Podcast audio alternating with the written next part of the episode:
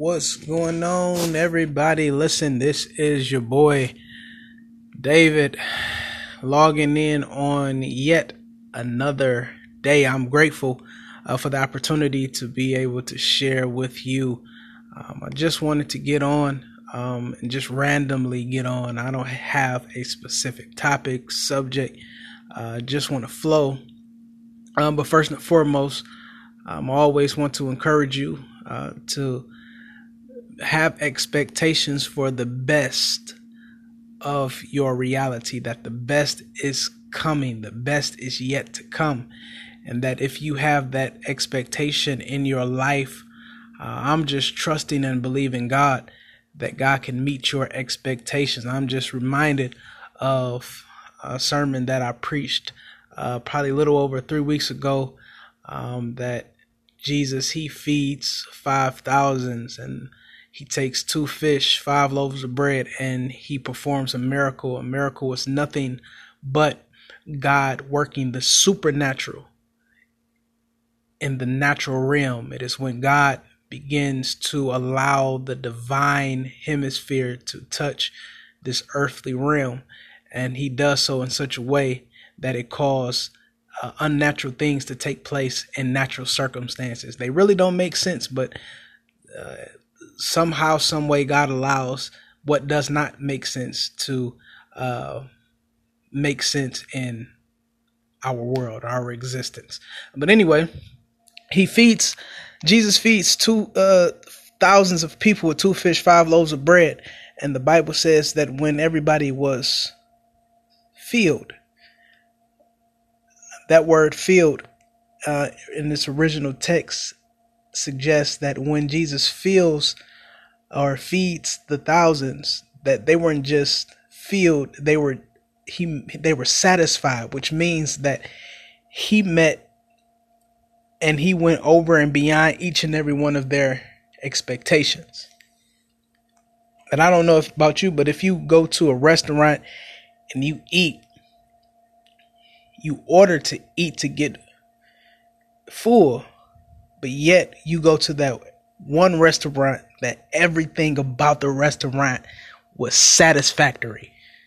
It didn't just fill you up, but it went over and beyond your expectation. The service was great. Um, the ambiance of the restaurant was great. Um, the company in which you were with, were in the presence of, was great. Um, every you got your food on time. It was at the right temperature. You didn't have to send it back. The server came to your table and they served you your drink um, as fast as they could. They, you didn't have to wait. Um, so everything was just satisfactory. And this is what uh, the Bible suggests that Jesus does for thousands of people that he doesn't just fill them up to just have an experience.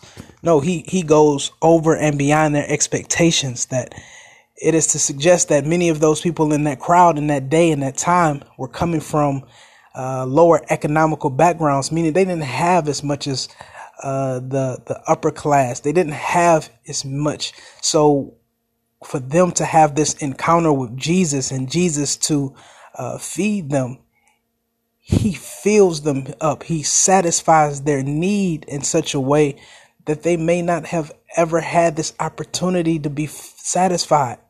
And that's what an encounter with God is.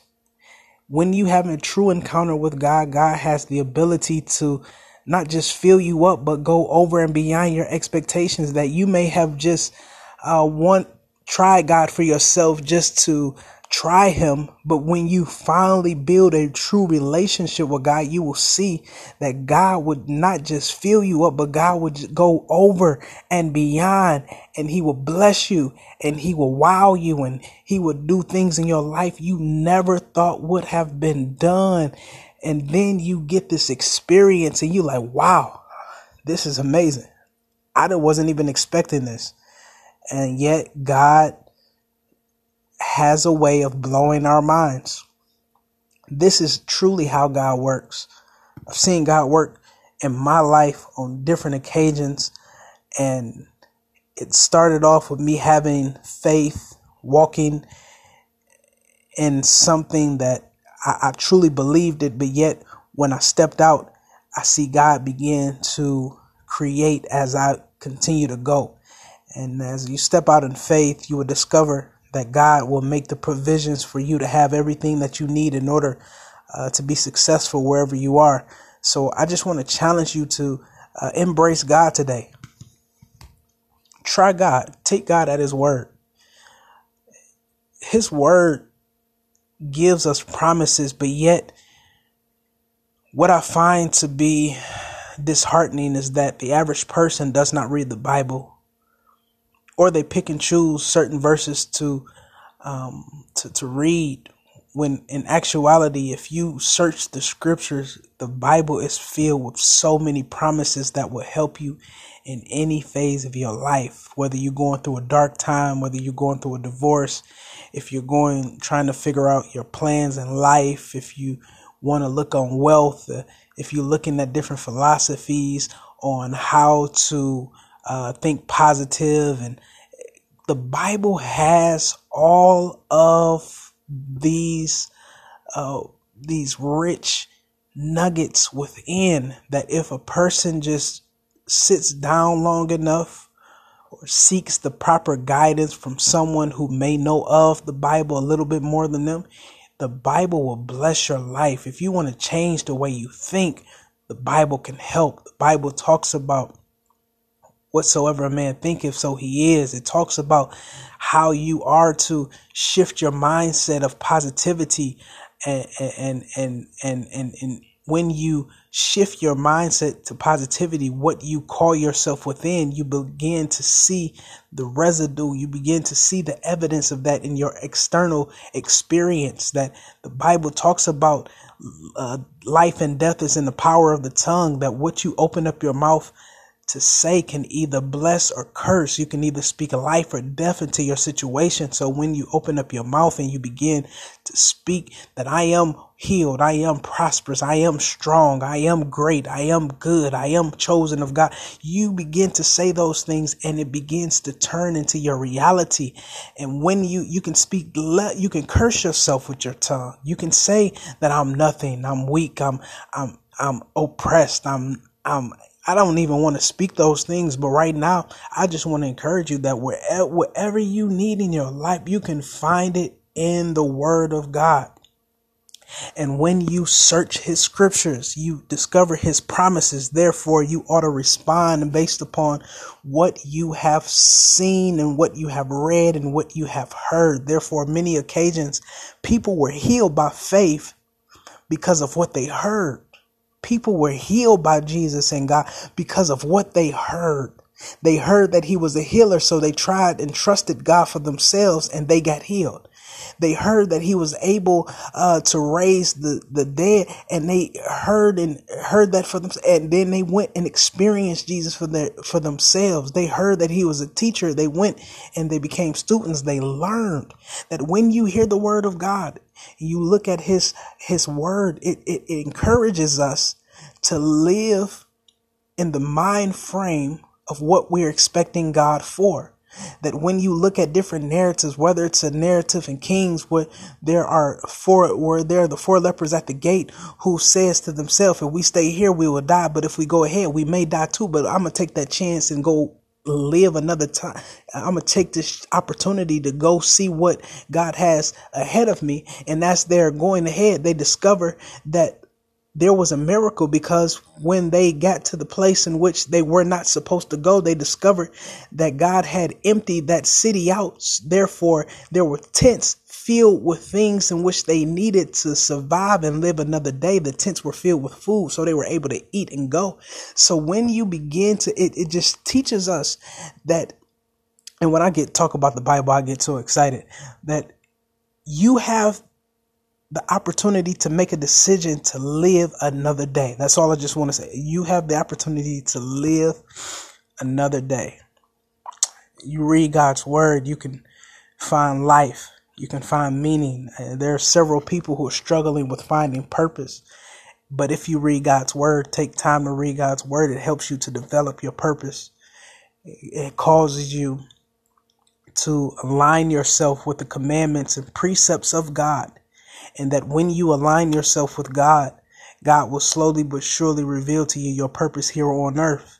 It talks about the balance in which we deal with the good and evil, that there is good and evil amongst us. And, and God tells us that, you know, the sun shines on the just and unjust. A lot of people want to, a lot of people wonder, why do I see wicked people prospering and, and, and, and why do I see them uh, succeeding? Why do I? Because God says, God is God of justice, of righteousness, and yet His Son, it rains or it shines, it rises on the just and unjust. The God is a God of balance. Science will call it uh, the law of polarity. But I just want to encourage you open up your word, find the word you need that will help you to overcome where you are in life if you're looking for peace, you could find it in in God's word that He will, God will supply you peace that will pass your understanding. You will, He will give you the peace that will blow your mind, and you try to figure out, wow, even when it's chaotic, even when it looks as if everybody else is worrying and doubting, I have this peace within that allows me to be poised and full of confidence in the midst of turmoil and um, God is just awesome. If you look at the word, you, you will see that in God's word, He is the creator of heavens and the earth, which, which means that if God is the creator of heavens and heaven and earth, that He is big enough to handle all your problems and all your needs. So why not trust that kind of God?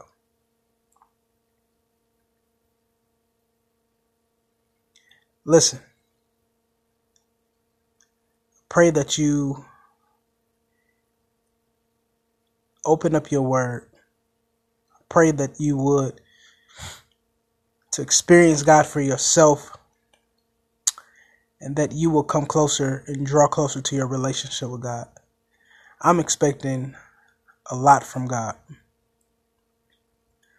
I'm living a life of faith that will meet that expectations that I'm living a life that will pretty much reflect what I'm trusting God for. That you have to live it before you receive it. God will bless you with it. All right, you go in peace and go in love. I'll talk to you later. All right.